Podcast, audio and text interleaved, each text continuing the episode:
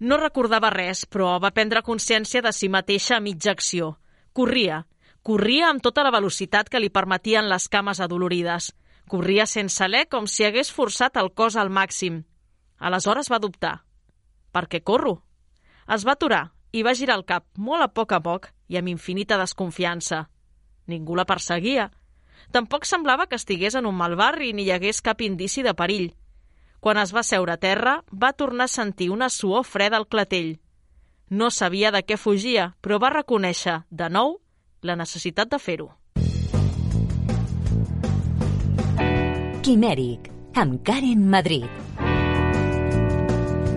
Benvinguts al Quimèric. El llenguatge audiovisual és plenament compatible amb la literatura. Així ho opina l'Albert Plans, un conegut i reconegut també guionista que s'ha llançat a escriure ciència-ficció amb la segona estrella. Avui parlem amb ell sobre com ha estat el procés creatiu d'aquesta novel·la.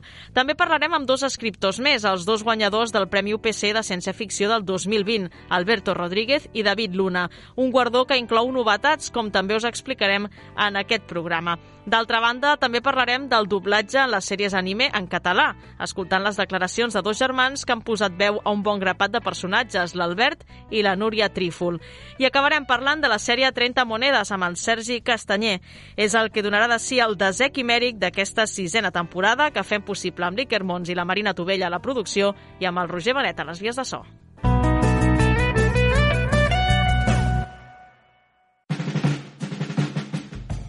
Notícies del Fantàstic. Fa unes setmanes parlàvem de Miquel Barceló, li retíem homenatge com a impulsor del Premi UPC de ciència-ficció i també com a autor de la Guia de la Ciència-Ficció Espanyola.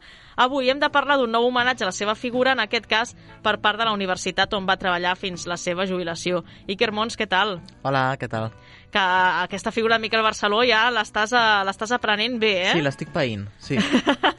bueno, no el vaig conèixer, però sé que va ser una, una persona molt important pel Fantàstic i sobretot per aquest programa, perquè va ser la primera entrevista que vam fer. Exacte, li tenim molt, per molt d'efecte aquí a, sí. al Quimèric.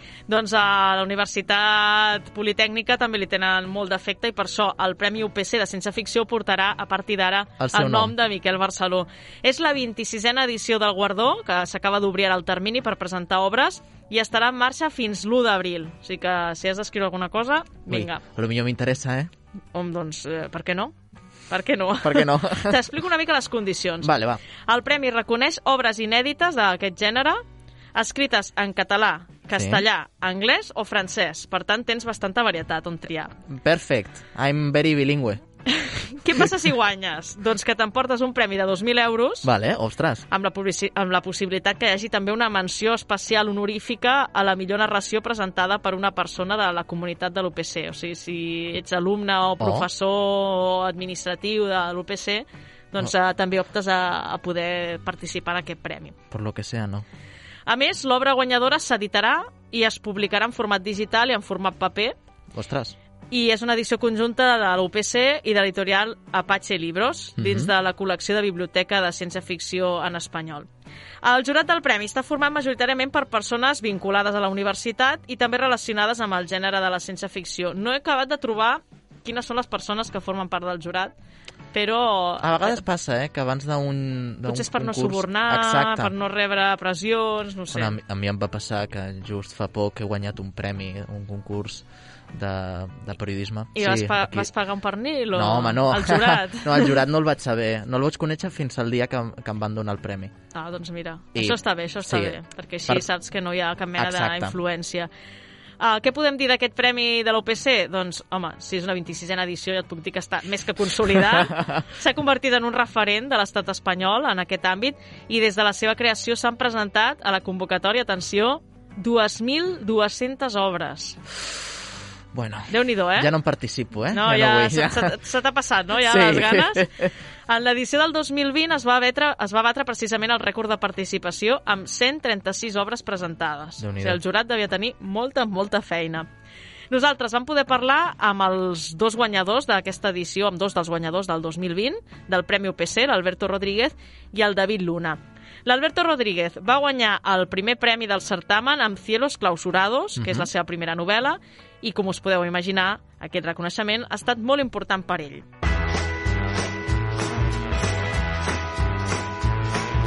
La verdad que, bueno, yo estaba muy contento con lo que había escrito.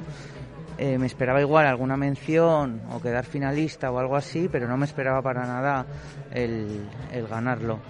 Y lo estoy viviendo de una manera un poco extraña, ¿no? Porque me siento un poco intruso, ¿no? Un recién llegado y, y tener un premio tan tan importante. Pero bueno, también me ha dado mucha confianza y ganas para seguir escribiendo. Uno de, de los valores añadidos que, que, tiene tu novela es el hecho de que se sale un poco de lo que es la ciencia ficción convencional o de lo que estamos acostumbrados a leer aquí en España.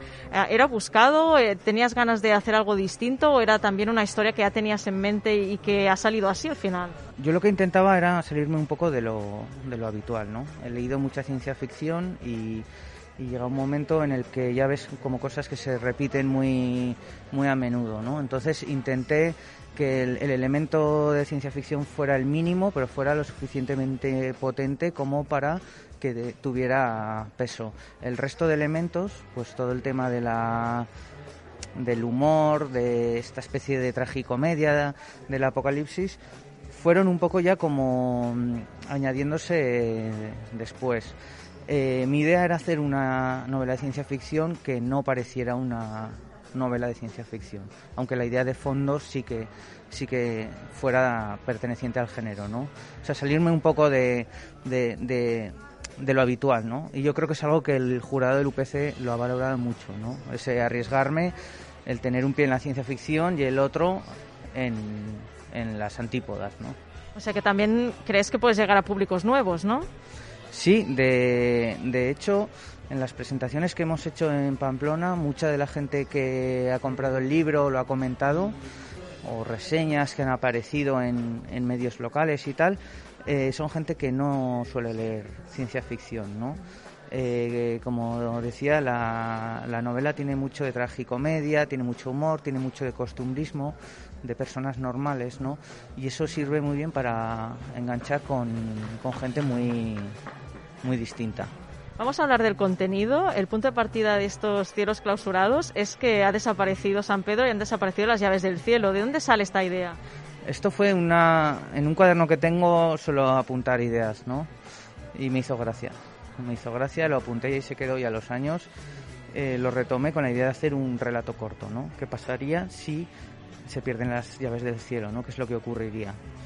y empecé a escribir, empecé a escribir y de repente me vi con 20 páginas y seguí tirando del hilo pues hasta que acabó saliendo esta, esta novela, esta novela corta, pero bueno, una historia ya, ya larga.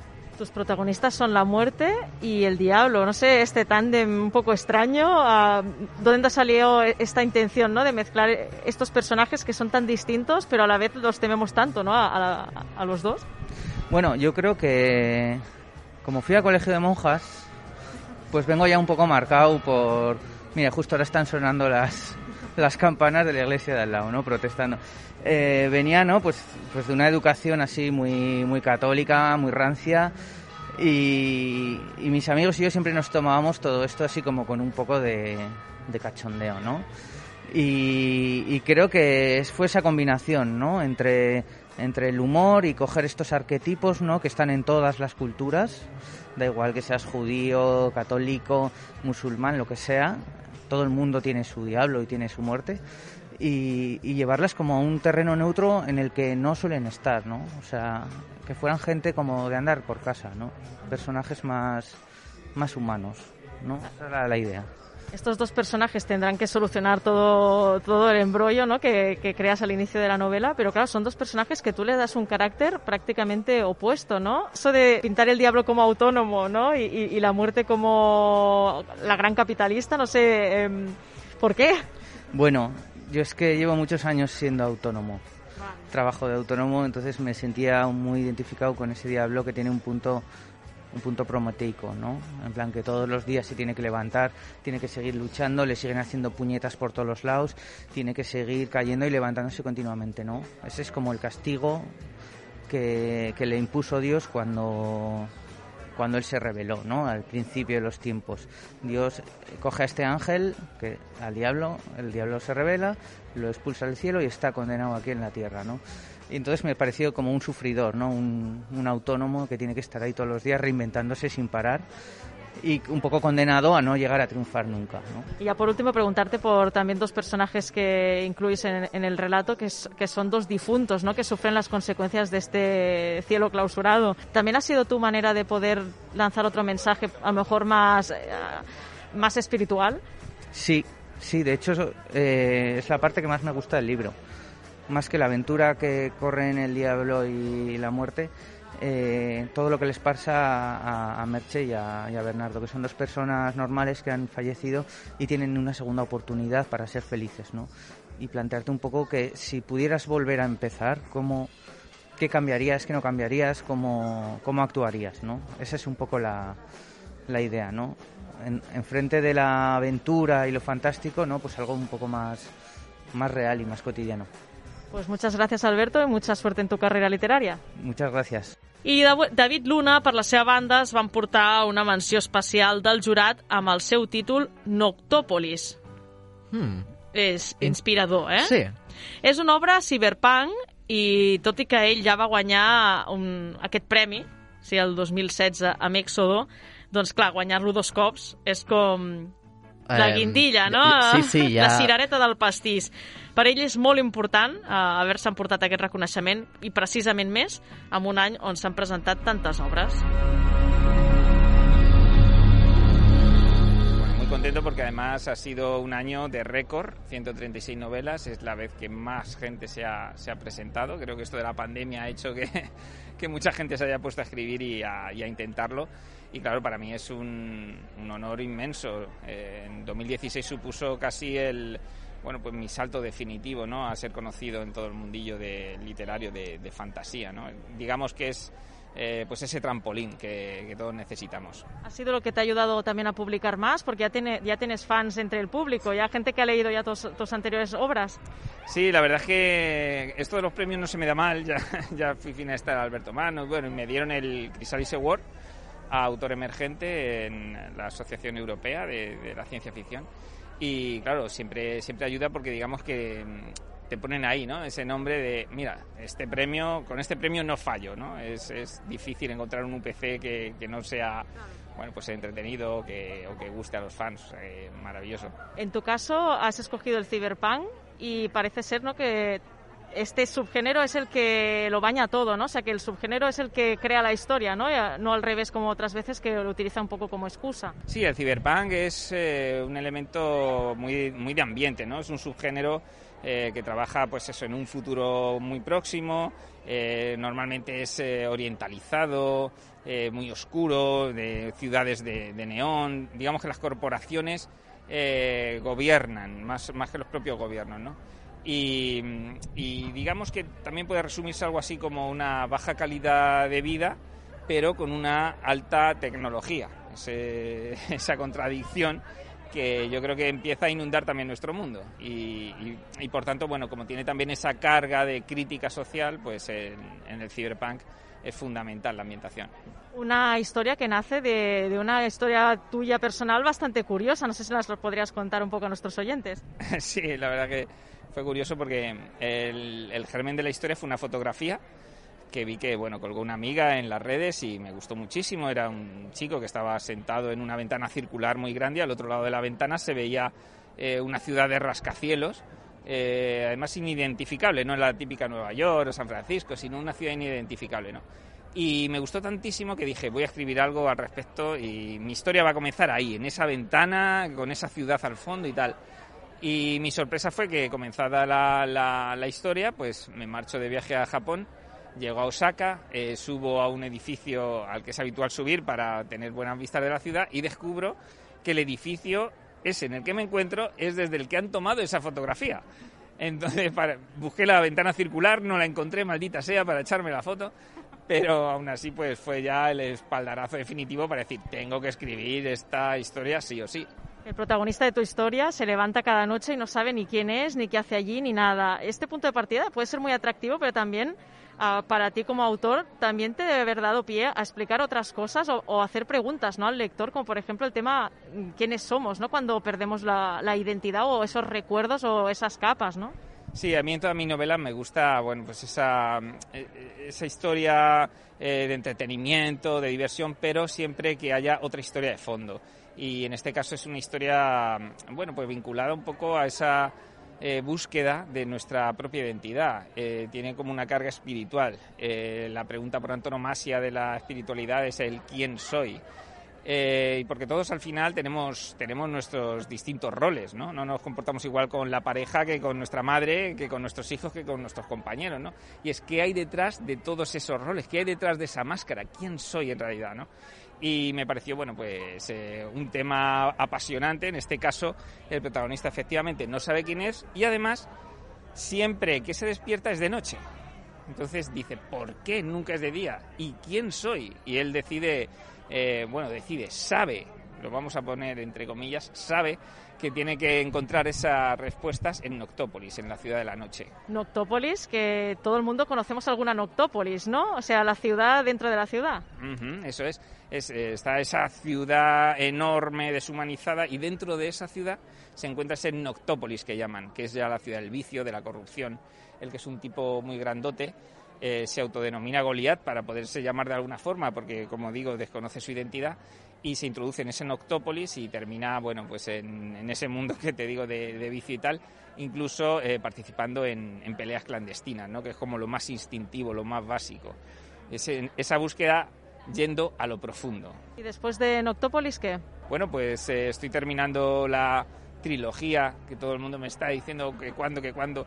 Pues ya estoy en más o menos la mitad de, de- de la última eh, de las entregas de, de los Tenen. Ya teníamos eh, Laberinto Tenen y Sombras Tenen. Y ahora, pues espero que para el año que viene pueda sacar la tercera. Pues muchas gracias, David Luna, por atendernos. Que vaya muy bien. A vosotros, gracias. Quimèric, el programa per als mentalment divergents. El nom d'Albert Plans és especialment conegut en l'àmbit audiovisual, ja que ha estat guionista en sèries d'èxit de TV3 com Porca Misèria, Plats Bruts o Vent del Pla. També ha estat coguionista de la pel·lícula Fènix 1123 i fa de professor de guió a la Universitat de Lleida. No obstant això, acaba d'entrar a l'àmbit literari amb una novel·la de gènere fantàstic, La segona estrella, amb l'editorial Més Llibres. Es tracta d'una barreja entre distopia i gènere post-apocalíptic que també versa amb un argument de novel·la negra, un títol que de ben segur no passarà desapercebut entre els amants del gènere. Hem pogut parlar amb ell coincidint amb la presentació de la seva primera novel·la a la llar del llibre de Sabadell, la seva ciutat natal.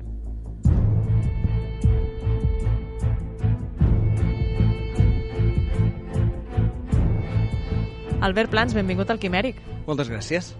Què t'ha fet fer el salt del guió a la novel·la?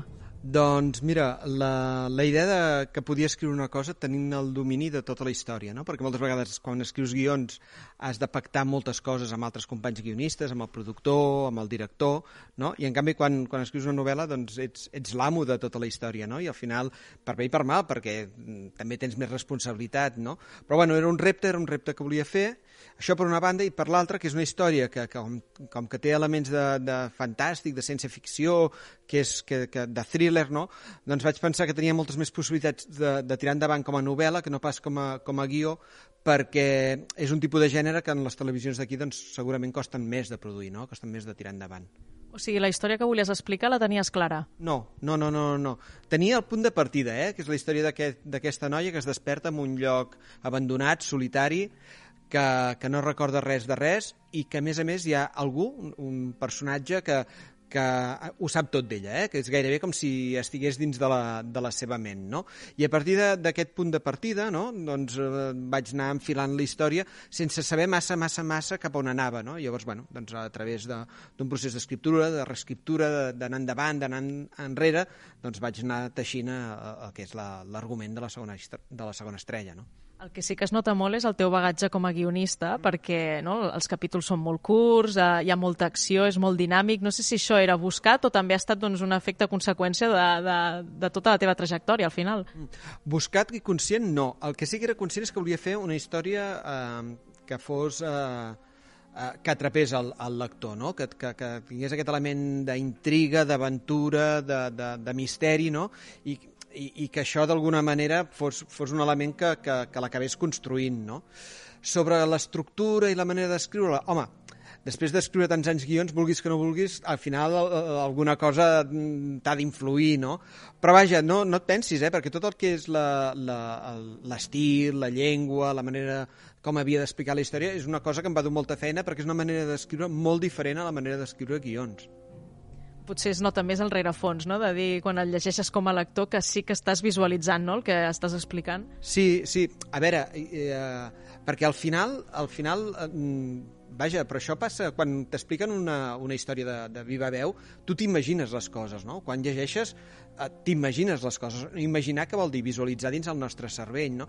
I en aquest sentit, com que la història és una història que explica molt, molt el que va passant, no? I que descriu molt el que va passant, no? I que no és tant una, una, una novel·la que, que dediqui molt temps a, a la reflexió sobre les emocions o els sentiments dels personatges, sinó que explica allò que, els hi, que van vivint, no? Doncs això segurament fa que, que tu vagis visualitzant no, l'aventura la, la, la, l'aventura de, la, de la pobra Sara, no? que ho passa bastant magra, la pobra. Un dels temes de fons de la novel·la és el canvi climàtic. Es nota, doncs, com de passada, no?, com un rum-rum de fons. És un tema que et preocupa? Home, sí, molt. Sí, sí. Hi ha, hi ha, així, com, hi ha diferents temes que, preocupen a la novel·la, que em preocupen no? i que he reflectit a la novel·la. Un és el del canvi climàtic, un altre que és el tema de la privacitat, no? com amb tot el que, el que estem vint amb les xarxes, cada vegada la nostra privacitat es va, es va diluint, no?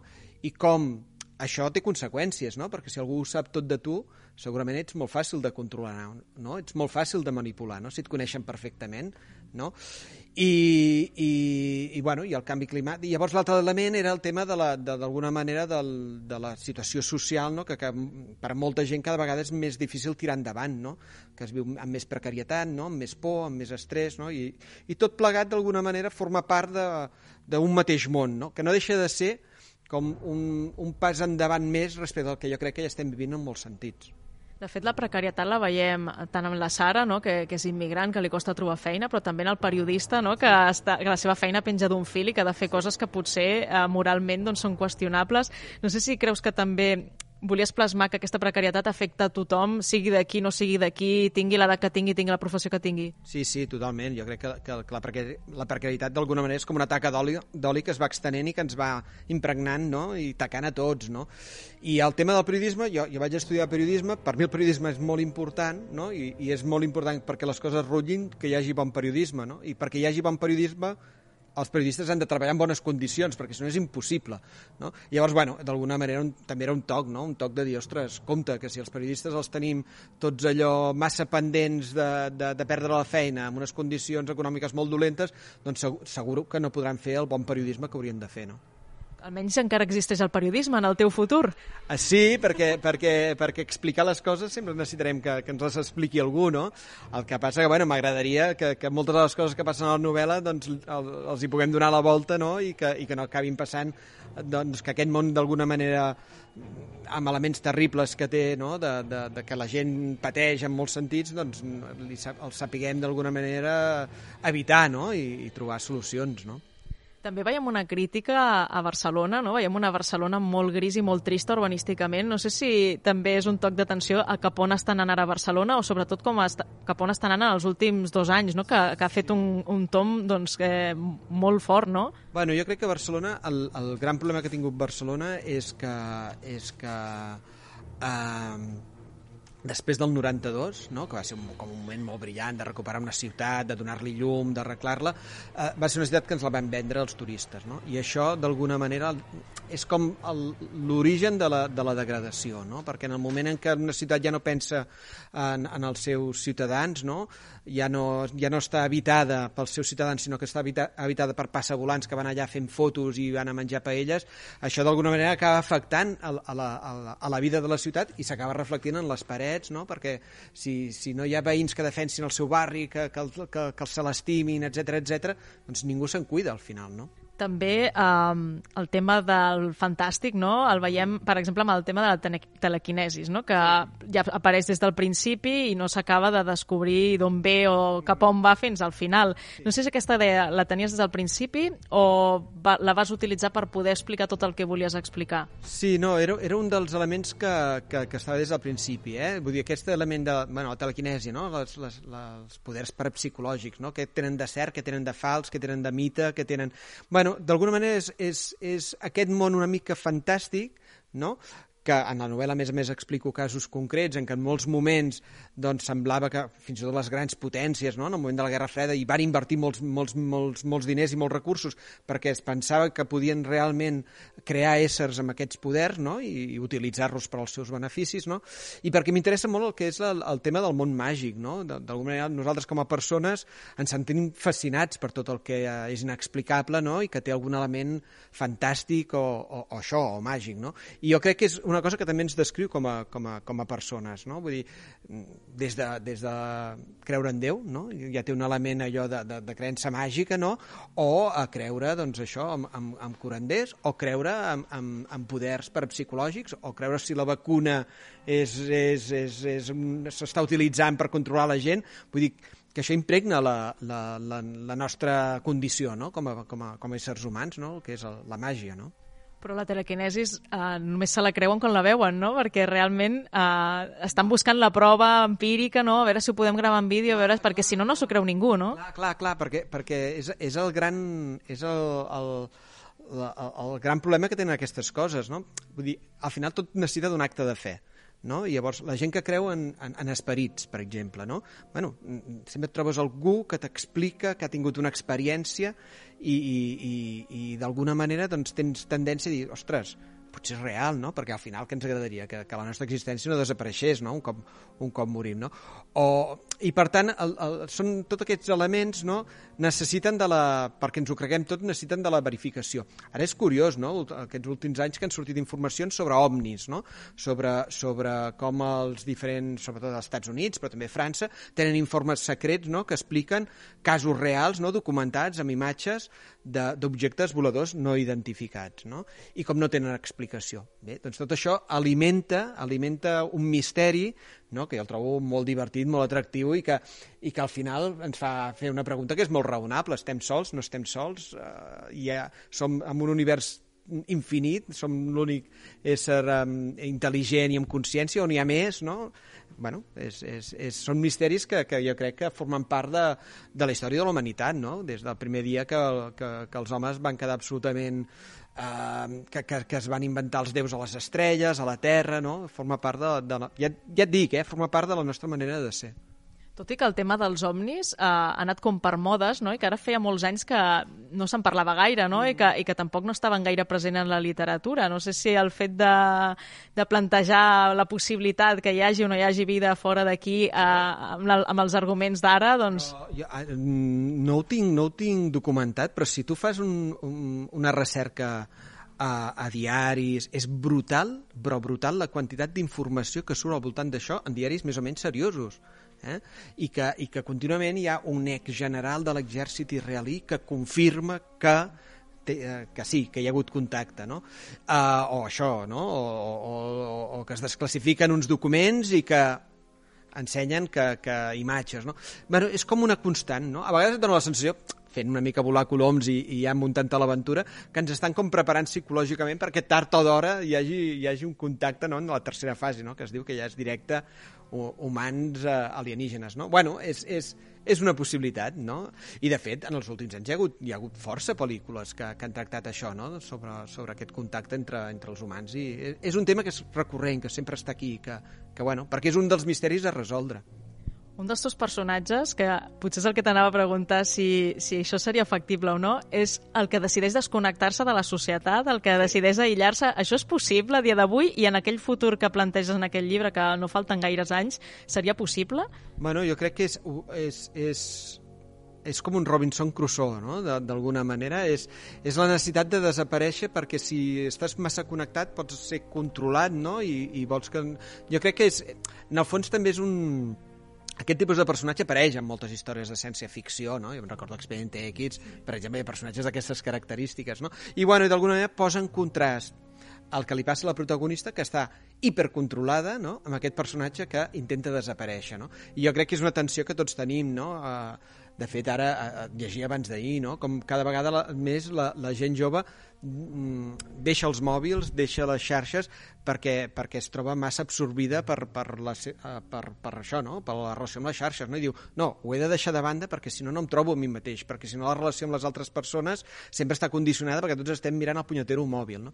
I per tant jo crec que necessitem desconnectar. No? Jo crec que és, és d'alguna manera la, la metàfora no? d'aquesta necessitat de, de no estar connectats.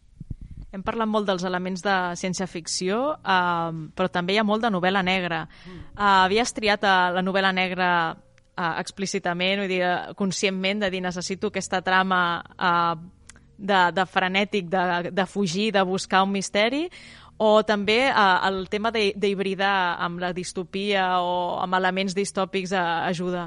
Mira, una de les pel·lícules que, que a mi més em fascina i més m'ha fascinat és Blade Runner no? i d'alguna manera és una pel·lícula que reuneix aquests elements no? de distopia, de thriller i de ciència-ficció. I jo crec que són gèneres que casen molt bé, no? que, que en moltes històries al final o, o, hi ha aquests, aquests, aquesta 50-50, no? Aquest, aquesta, aquesta combinació dels dos gèneres, thriller, ciència-ficció. No? Uh, d'alguna manera el, uh, en l'origen de la història ja hi era tot, no? Hi havia l'element fantàstic perquè hi havia aquest, aquest control, aquest saber què té la protagonista dins la ment, no? Hi havia aquest element fantàstic perquè aquest personatge té un poder, hi havia aquest element de thriller perquè decideixen matar-la, no? Llavors, bueno, d'alguna manera són els tres, els tres pilars que, a, a partir del, dels quals es construeix la història. I ja per últim preguntar-te com ha estat l'experiència d'escriure La segona estrella i si eh, tornarem a veure el teu nom en llibres de, de gènere fantàstic. Doncs eh, de moment estic escrivint una, una, amb un company, amb el Ferran, una, una sèrie que, que té elements de, fantàstics. Uh, sí, jo crec que és, és, és un element que a mi, d'alguna manera o altra, no? amb, amb, amb més o menys eh, presència, és una cosa que m'interessa. No sé si, si, si, si serà... No la tinc pensada, no? però segur que, que, que és fàcil que em surti, perquè bueno, és, eh, al final eh, és un món que t'atreu, no? que, que t'interessa i que, i que la, la ciència-ficció al final et serveix per explicar moltes coses de la nostra vida real. No? Doncs moltes gràcies, Albert Plans, per atendre el Quimèric. Doncs moltes gràcies a vosaltres.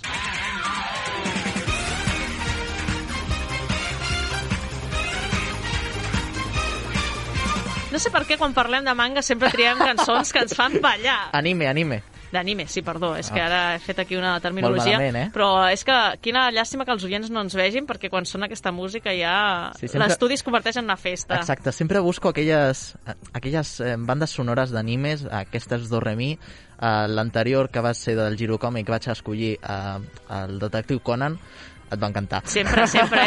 És automàtic, eh? no he pensat sí. res, eh? m'he deixat portar per la música, però a veure, avui de què parlarem relacionat amb l'anime? Doncs et faré una pregunta que a mi ja m'han respost en, en la xerrada que, que vaig assistir, però jo te la faig. A veure. Quin és l'estat real de l'anime en català? Uh, uf, és una resposta difícil de trobar. Exacte. Si la comparem amb fa 20 o 30 anys, molt malament si la comparem amb l'estat d'altres llengües minoritàries com el gallec o l'eusquera, molt bé. Doncs aquesta és la pregunta que s'intenten respondre els membres del de, podcast El racó del manga, de Marc Pérez i Xavi Omeia, i la Núria i l'Albert Trifol, tots dos actors de doblatge i germans. Uh, neix precisament d'una xerrada que van fer a la Manga Barcelona a la 27a edició mm. um, i bueno, volen respondre què està passant amb, els, uh, amb, amb la situació del manga, perquè és una mica distòpic. És molt estrany. Sí. Mm... És com havíem aconseguit no? arribar molt lluny i de cop ens hem tirat enrere, Clar, no? Està, estàvem molt bé. Jo, de, mm. jo, de fet, recordo molt, mm, amb carinyo la meva època de, de veure anime en català bueno, ara estem una mica malament. Sí, sí, sí, sí. és que, però això també, suposo que ja ho parlen ells, però hi va haver una aposta molt clara de, de TV3 en I aquest tant, sentit. I tant. De fet, he pogut conèixer recentment les persones que, que van eh, crear el 3XL i que van poder eh, doncs, comprar totes aquestes sèries anime i també altres sèries de ciència-ficció, com Fringe, per exemple, i realment, clar, ells voldrien seguir-ho fent, no? però falten els diners i falta l'aposta. Exacte, això ja ho veurem. Pensava que he fet un spoiler. Una mica. Mira, mm, per respondre a aquesta pregunta, en Marc Pérez pren prestades les paraules de Fèlix Ribalta, director del, de la distribuïdora audiovisual eh, Qualis Studios, per fotografiar la situació de l'anime en català. L'anime en català està en estat latent. La situació que té és greu, però per mi no és crítica. És greu perquè, òbviament, pràcticament no es doblen sèries d'anime en català. Només algunes poques pel·lícules, que també és d'agrair. I el contingut a les plataformes de doblatges nous, doblatges nous, és gairebé nul. Val? Per tant, la situació és greu. Si hem de viure amb la nostàlgia, eh, una mica. Exacte. I aquí és on entra la paradoxa, perquè TV3 va fer una gran aposta amb el 3XL i després amb el Super 3, que és el que Sí, vaig viure jo. Exacte. Però actualment ja no es dobla més contingut. No, no, hem d'anar recap recopilant el que teníem, Exacte, es recapitula. I, I a vegades ni tan sols això. Doncs Albert Trifol considera que la televisió catalana ha abandonat el públic juvenil. TV3 ha abandonat el públic juvenil. Els meus fills, que estan aquí, que tenen 13 i 10 anys, van començar mirant el Club Super 3. A la que van arribar ara fa un any o així, una mica més el gran, se'n va donar compte que no hi havia gairebé material per la seva edat. Què fan? Se'n van a les plataformes. Hi ha català a les plataformes? No en tenim. Què No. va haver en les plataformes? Res, doncs Doncs castellà això. i ja està, i anglès. Però aquí ja veurem una, unes coses molt interessants, perquè hi ha certes um, plataformes que han comprat els drets, per exemple, de, detectiu, de Detectiu Conan, Mm. però per problemes de drets no poden agafar l'àudio que té TV3 guardat i Mm. oblidat en un, ca, uh, en un calaix per posar-lo ell a la seva plataforma. Perquè és de TV3, no? I perquè, mm, bueno, ja ho Per un veurem... tema de és, propietat. Sí. Um, mira, uh, un dels motius pels quals TV3 va doblar el català, de fet, era uh, una voluntat de normalització lingüística per part de la Generalitat. Era Mhm. eh, un dels plans que, que es van instaurar després de I calla, que va funcionar, eh? No, va, va funcionar molt bé, perquè el- les, les dades després de l'Institut d'Estadística Català deien que, ostres, ah, hi havia més catalanoparlants. Bueno, La meva parella, Ah. quan parla català, parla posant la veu del Vegeta, directament. exacte. Que... Doncs, de fet, eh, aquí és on entra la pèrdua, no? Eh, Trifola eh, atribueix aquesta pèrdua de catalanoparlants al desinterès de la televisió catalana amb, amb els doblatges d'anime. I això repercuteix també en la societat, cada cop parlem menys català. Eh, ens estan abandonant. A part, us asseguro una cosa, on millor del món després del Japó es dobla l'anime és a Catalunya, però de carrer. Um, bueno, hem de valorar molt el treball que fan, perquè, de fet, eh, el doblatge fins i tot pot respon a unes altres necessitats. Xavi Omeia així ho declarava. I bé, com molt bé dius, Marc, efectivament, a part de tots els elements que fan que el doblatge en català eh, sigui fonamental recuperar-lo, hi ha altres motius que també el fan doncs, imprescindible. I és que, és clar, doncs, les persones amb discapacitat visual, com és el meu cas, doncs, eh, o cegues totals, doncs, eh, òbviament, el, les versions originals, en aquest cas en japonès, que més és una llengua que malauradament molt poca gent coneixem com per poder seguir una producció audiovisual, doncs eh, necessitem eh, un doblatge, perquè, és clar la subtitulació està molt bé, per qui s'hi veu bé, però si no, esclar, no, no, no pots arribar a llegir-ho, eh, van massa ràpid. Clar, el públic existeix. L'anime en català agrada. Sí. Um, es pot arribar a capitalitzar. Uh, de fet, en els orígens del 3XL, la Núria Trifol confessava que aquesta repercussió no se l'esperaven. Mm, Vam començar una mica amb l'anime en aquell moment, potser no teníem la consciència de, de la repercussió que tindria.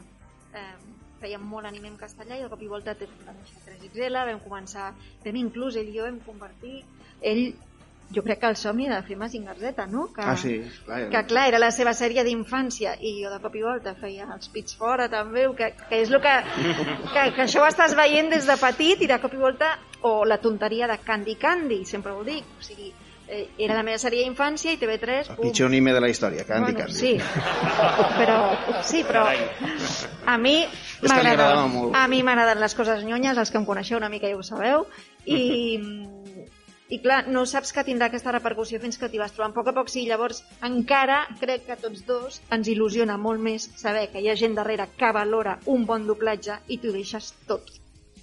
Actualment, aquesta repercussió s'ha traslladat al context digital. Com indica Marc Pérez, eh, es pot veure reflectit a les xarxes socials.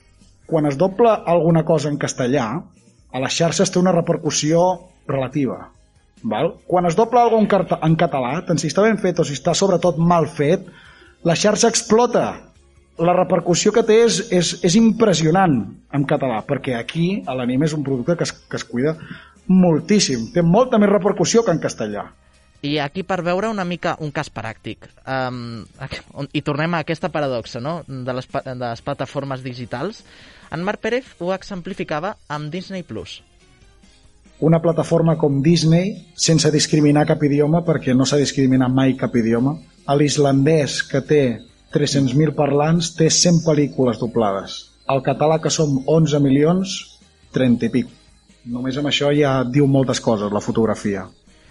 Després trobem una, una altra qüestió. Per què hi ha plataformes que tenen els drets d'alguns animes que ja dispone, disposen d'un doblatge en català fet i que no el publiquen? Doncs aquí entrem en, aquesta, mm, en aquest lío de, de patents i de drets. De diners, per, al final tots són de diners. De diners, exacte. Mm. Per què? Perquè um, adaptar l'àudio dels 80-90 en format 4K té un cost. Un cost que les plataformes no estan disposades a pagar, ni tampoc TV3. I allà es queda. Exacte. Per sempre. Eh, continuem perquè això dona per molt. Eh, TV3 va anunciar, de fet, un nou canal d'anime per tornar a programar eh, els animes guardats i doblar-ne de nous. Mm -hmm. eh, es deia eh, Super 3Z i dedicat al públic juvenil, però les raons econòmiques van tombar el projecte. Des de TV3 es volia fer un nou canal juvenil, que va crear molt hype, fins i tot li van posar un nom provisional de eh, Super 3Z o una cosa així. Val? Però després van sortir declaracions del mateix director, no m'atreveixo a dir el nom ja, per, de, perquè va dir que, clarament va dir que no, per fer un canal nou faltaven 15 milions d'euros que la Generalitat és una televisió pública no donava, val? va ser una declaració polèmica, val? perquè les maneres i l'emprenyament que va agafar i el que va dir pues, no és correcte, però vaig a dir una altra un popular opinion, és que té raó. És que fer un canal d'aquest calibre, tal com estan ara les llicències al Japó, val això. I TV3 és televisió pública i el que factura mm, en publicitat mm, és que Telecinco ho factura en un dia i TV3 ho fa en un any. Doncs res. Clar, què fem? Doncs creem una plataforma nova, no? Eh, aquesta és la intenció. Estaria molt bé. Una plataforma privada dedicada només al català. Jo crec que tindria èxit. Jo crec que sí. A més, se'n podrien portar unes quantes subvencions, també. I tant. Eh? Deixem la, la cosa a l'aire, a veure si algú l'agafa i ho promocionem. No, que, que aquí escolta molta gent de la Generalitat el, oh, tant, el programa. sempre. Per tant... Gràcies, Iker. Un plaer. Un quimèric sempre paga els seus deutes. Les sèries del Fantàstic. Sergi Castanyer, benvingut al Quimèric. Hola, què tal? Com anem? Veig que has triat una sèrie que a molts ja només sentir la, la intro se'ns posa la pell de gallina, eh? eh? És que és una sèrie d'aquestes que jo la tenia eh, allò preparat perquè deia... Jo només veure-la vaig fer aquí, allò el guió del Quimèric perquè he dit, no, aquesta la tinc que portar, sí o sí, perquè hi ha moltes vegades que és allò que tens que dubtar entre moltes i jo crec que aquesta... Aquesta la vas tenir clara, no? Sí, sí, sí, sí. A més, ara, eh, en un parell de mesos ja comença a rodar la segona temporada. Sí. O sigui, ja portem també la notícia de dir, tenim segona temporada, no és la clàssica sèrie d'una temporada que cancela, no és de Netflix, és de l'HBO i és de 30 monedes. 30 monedes, aquesta sèrie de l'Àlex de la Iglesia, que Sí. molts la vam començar a veure precisament pel nom d'Àlex de la Iglesia, no? Clar, és que l'Àlex de la Iglesia ja té aquest nom ja com reconegut com un Mm. dels directors eh, espanyols més internacionals, perquè és d'a- d'aquests que fan una peli i, i ho peta a tot, a tot el món. De fet, l'altre dia o sigui, eh, donaven la notícia de, de d'èxit de, de, per exemple, una pel·lícula, una pel·lícula que té molt a veure amb la sèrie, que és El dia de la bèstia, Sí. Sí. que és una sèrie que, bueno, és una pel·li que va patar precisament arrel de 30 monedes, molta gent està des, redescobrint a Amèrica a Àlex de la Iglesia i està allà Tot i que no té res a veure, eh, una cosa amb l'altra, perquè Sí, el dia de la bèstia és com molt bizarro i molt desenfadat, no? Sí, a, a, té més humor. Sí, Aquesta exacte. no té tant, té el toc més humor. espanyol aquest que l'atribuïm, no?, de, Sí. de l'humor així una mica... Yo lo, lo digo, lo digo, lo digo. Sí, sí. Rancio.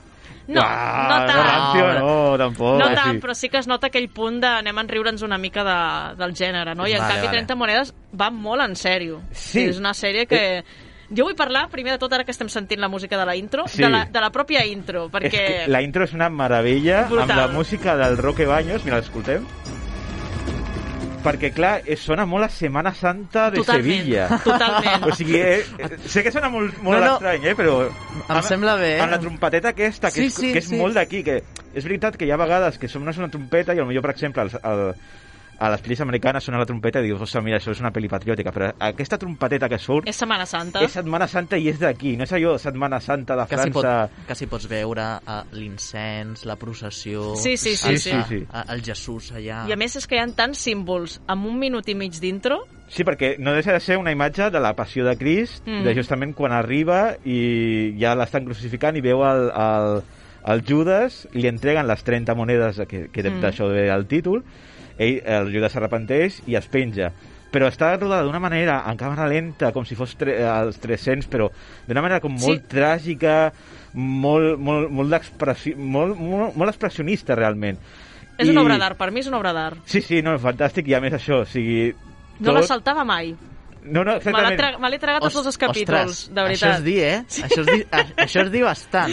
Sí, sí, sí, sempre li trobava un matís nou. És que, sí, perquè és d'aquestes que, per exemple, ara que quan buscava la, precisament la, aquesta intro per, per portar-la, deia, uau, és que era allò de en bucle.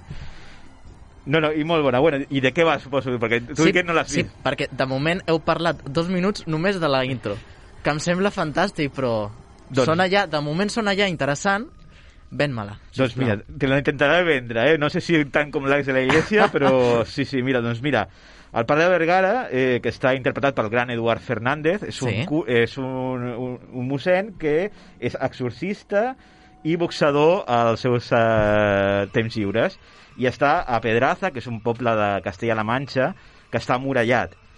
Que I- mala pinta. Típic poble medieval, petitíssim, Sí, sí, sí. enmig del no-res, no? Que tothom es coneix. Sí, Exacte, i molt, i molt. Clar, perquè a més és, és, clar, com a- és un poble i a més amurallat, clar, o sigui, una cosa és quan tu vas, vas a un poble que tothom es coneix, però clar, tu imagina't que a més està amurallat, que és Mhm, allò de... estàs tancat allà. No pots sortir d'allà. I també juga eh, l'Àlex de la Iglesia amb això. Sí, Doncs, no farem spoilers, però ja doncs, imagina... s'aprofiten de les muralles, sí. Ui, doncs imagina't que en aquest poble una, una vaca dona llum a, una, a un nadó i ningú Ah. sap exactament del que és. I clar, li porten al, a, normalment, clar, gent de poble li porten al padre Pedraza, al padre Pedraza i diu això és obra del diable. a ver, Y al- señor, le comento, es que he ido a mirar la vaca y que le ha salido esto. ¿Qué hago? I, Ah! i clar, eh, a partir d'allà doncs, començaran a, a arribar els fenòmens estranys. Sí.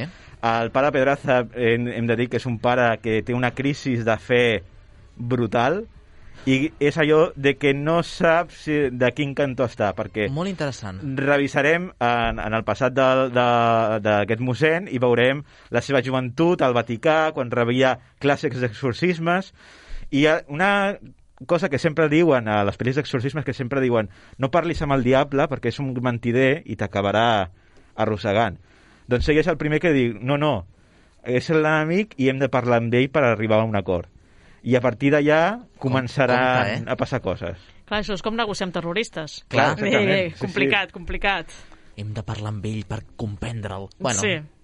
és Satan, eh? Sí, no sí, deixa clar. de ser Satan. A més, a més un Satan, que tu l'ha- tu l'has vist, Karen, Sí, sí. Eh, interpretat per, pel Ah, que, Cosimo... que a més surt. Són un diable, un diable, eh? no és Satan, però és un diable, Ok. que està interpretat pel Fosimo Cusco, que és el clàssic italià d'aquests buenorros, saps? Sí, que, sí. que tu Vale, el dius i dic, molt bé. aquest segur que ha sortit en, en algun lloc. I és veritat que va sortir a Friends, era el nòvio italià d'una de les de Friends. Mira, no ho sabia, això. I, no, jo no ho sabia, que estava investigant i vaig veure... Va, va I dónde salió Friends. este buen horror? I ara dic, ostres! No, i a més, al, al passat festival de Sitges, que presentava Venecia Frenia, on ell també surt, Mhm. el van portar i és veritat que té aquesta aura de, de uau, compte que ve aquí el superactor. I la veritat és que tot estava allà, de, no, és que té un porte que dius, déu I nhi tothom amb la babeta. Sí, Home. sí, eh? A, a més, com parla... Es fa mirar, es un fa ca- mirar. Sí, home. Parla un castellà d'aquest com molt italianitzat, no? Eh? És que, clar, estamos aquí... Ui, ui, ja està, ja m'ho has venut. Sí, sí, sí. No em miraré la sèrie perquè sigui satanista, no, no, No. me la veuré per al Rubius, per l'italià. I sí, una sèrie més petita, d'uns 8-10 capítols, o sigui que realment eh, ara mateix... Però són capítols que pràcticament són com pel·lícules. Sí, Vull perquè dir- són capítols que comencen i acaben. No és allò que et deixen amb el cliffhanger de, ostres, una setmana més. Alguns sí, però la, la seva majoria... Sí, hi ha un, Això un ja- fil argumental de tota la temporada, però que a cada capítol es tracta doncs, una problemàtica, diguéssim. Això està molt bé. No com una sitcom, que és una problemàtica tonta, sinó que és com un trencaclosques que ens servirà per entendre, per arribar al final, no?, i entendre què és el que està passant. M'agrada. I, és, I és sobretot una, una, una, una història de sí, d'exorcismes i tal, però que és molt respectuosa amb la Iglesia Catòlica. És més, eh, ens obre una espècie com de, de, de secta que hi ha dins de la- de l'Església, que són la secta dels caïnites, que es veu que és una, sèrie, una secta que va existir en algun moment de la història. Encara existeix, no et preocupis. Bueno, sí, sí, sí. I- Oficialment potser no, però... Oficialment no, però igual sí. Doncs que són aquests que eh, creien que Judas no és un traïdor, sinó que era com el favorit de Jesús, i llavors ell, amb les seves 30 monedes, doncs, va com culminar un pla que tenia que sortir d'aquesta manera.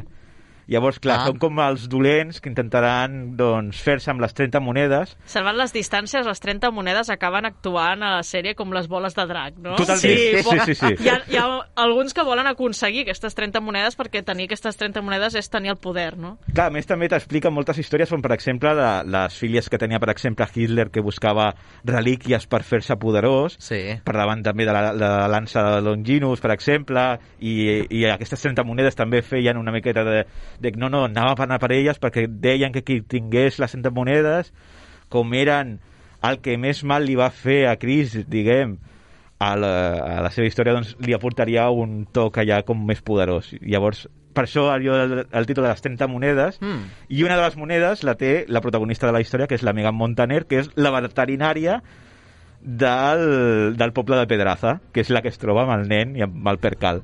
I has parlat d'un buen horro, però te n'has deixat un altre. Ah, ah, clar. Ah.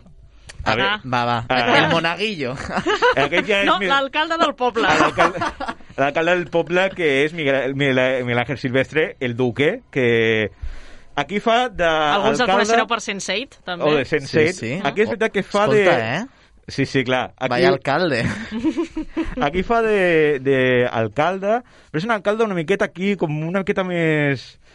Molt de poble. Sí, És una, una mica palet, paletillo, paleto, que mana més la, la dona que ell, diguéssim. I la dona Ell és una- Macarena Gómez. Ell és molt calçasses Vale, i ella, vale, clar, ok. Sí, sí. sabent qui és la dona ja ho has dit tot. Clar, clar, clar, sí, sí, sí. Com una cabra. sí. I clar, també una, un dels punts forts de, de la sèrie és uh, com et trasllada a una pel·lícula de terror capítol per capítol, no? I Sí, hi ha a- molts, moltes escenes que, que són esfereïdores que, i amb uns efectes especials brutalíssims. A més, amb tocs de John Carpenter, tocs allò com molt de, molt de Lovecraft, de, persona, Sí. de persones que potser estan normal i li surt un monstre de la panxa i coses així. O sigui, que té coses que... És un sí, terror més de situació, de... has d'entrar en la pel·lícula. Uh, sí, de patir el que pateixen els... sí No. però, però, ja, Tipus... però ja... Veus Marian. coses, veus coses tan, tan bèsties que és que encara que passessis per allà et farien por, saps què vull dir? Vale. Dir, no sé, eh, no vull fer spoilers, eh, em Sí, costa clar, molt, clar, però, clar. No, però no, tots tenim una idea no, del que pot ser l'infern o el que pot ser un diable. Ahà. Llavors, clar, quan es materialitza i ho fan d'una manera, manera molt molt explícita, grotesca. molt grandiloquent, molt a lo bèstia, llavors, clar, vulguis que no, amb l'educació que hem tingut, jo crec que tots ens quedem una mica igual, no? De, ostres, quina por si em trobés Ai, això. quita, Ja, ja, perquè, perquè a més, clar, sempre això, com, com en la nostra educació sempre hem tingut algun contacte amb el, amb el tema catòlic, però quan te'l trobes així, d'aquesta manera, enfogat, a més tan respectuós, perquè moltes vegades el, el, el, la fàcil seria això, doncs si fos el diable, doncs poses allà dues banyes, I ala.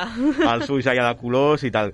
Però no, el portes un diable que és un seductor i que veus que està seduint a un actor com és l'Eduard Fernández. A més, l'Eduard Fernández, que aquí està transformadíssim. Està tot rapat, amb una barba gegant Mm. i molt catxes, però, però molt, molt catxes. Jo, que... de fet, he de dir Sí? que vaig tenir com un moment que l'estava mirant, perquè jo som molt dolenta amb els noms, i dic, aquest actor em sona. Vaig buscar Sí. i realment és molt conegut per sèries catalanes d'aquí que feia de pringaillo, saps? O sigui, Sí, sí. realment era el típic don nadie, no? I de cop el trobes aquí personalitzat, com diu, com diu el Sergi, no? Un, tros d'home, que és que no, I a més és no l'associa magnètic. gens, no? I a més és molt magnètic, perquè quan ella arriba a l'escena és com que com que tothom s'aparta perquè diu, ostres, que ve, la, que ve el mossèn, Clar, el és clàssic que- mossèn de que si tens pecats en un parell d'hòsties ja... Literals. Ja, sí, Sí, sí, sí, sí, literals, eh, allò t'aixeca. No, és que jo crec que ha trobat el personatge de la seva vida, perquè sempre havia fet coses com molt ramplones, no? I de cop et trobes amb, amb un paperàs i que el borda, i que, i que ell porta el pes, un pes important de la sèrie. Sí, sí, ara no és el protagonista, perquè la protagonista sí que és més Megan Montaner, però diguem que sí que és allò que Ah, gairebé, gairebé. Sí. Home, si és una trama de satanisme i és el mossèn, jo crec que tindrà un, Sí, sí, sí, un paper important Clar, a hi la... ha alguns capítols que no apareix, potser, no, Vaja. també, vull dir que no el seguim Sí. tota l'estona ell, però, bueno, quan torna, buf. I, I una pregunta. Sí. La protagonista com aconsegueix la, la moneda? O Digui- això és spoiler? No, perquè és, és el primer capítol. Vale, bueno. El, o sigui, si no recordo malament, eh, ella comença a tenir contactes amb ell i troba la moneda. Així, com si nada. I diu... I eh, el que passa és que el el, mossèn, sí. el mossèn ja va tindre contacte amb la moneda, això ja ho descobrirem, en, un- amb un exorcisme.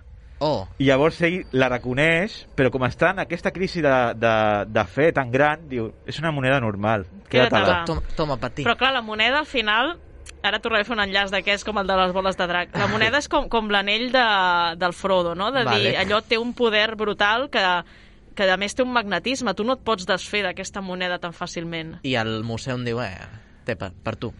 Perquè, ja no, sí. Jo no la vull. perquè és com si ja no cregués, però ella llavors comença a obsessionar-se i llavors, clar, amb aquesta moneda, que és, eh, com ha dit la Karen, és com l'anell únic, Mm. també portarà, li portarà molts problemes, Clar, perquè hi haurà molta moltes gent coses. que, Que- vol que vol aquest. La- Llavors, No, si al final l'ha putejat, el, Sí, sí. el Sí, mossèn. sí, Sí, sí, sí, sí, sí, És que, clar, si, si no li arriba a donar la moneda no hi ha sèrie.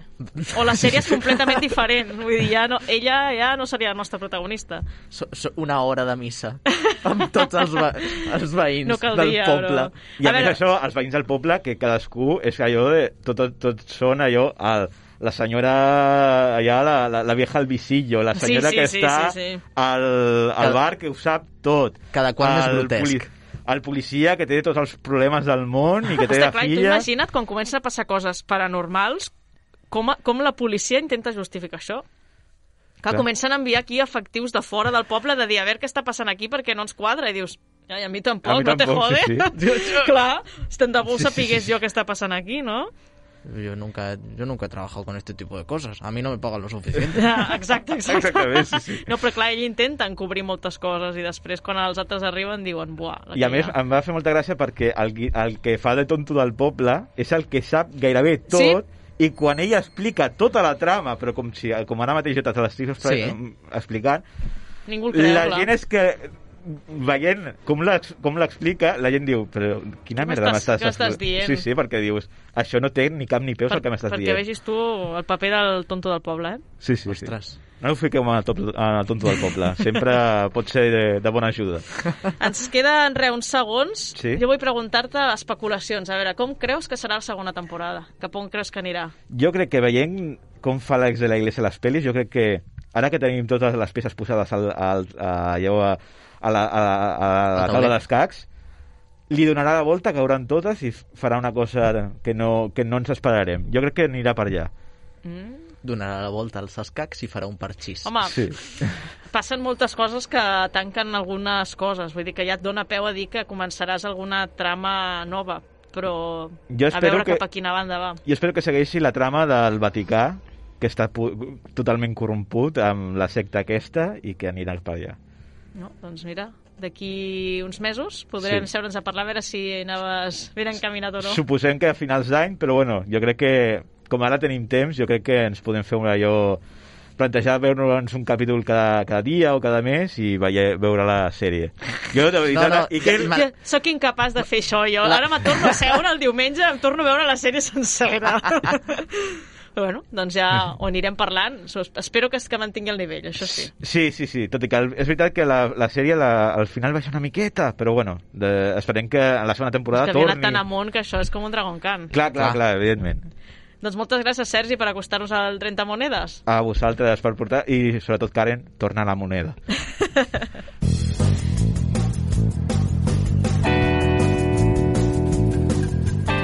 Doncs fins aquí el Quimèric d'aquesta setmana on hem parlat molt de literatura, d'anime i també de sèries amb aquest 30 monedes. Tornem d'aquí dues setmanes amb més contingut, entre altres coses, una entrevista amb l'autora de La Guardiana, l'Ariadna Herrero. Que vagi molt bé, adeu-siau.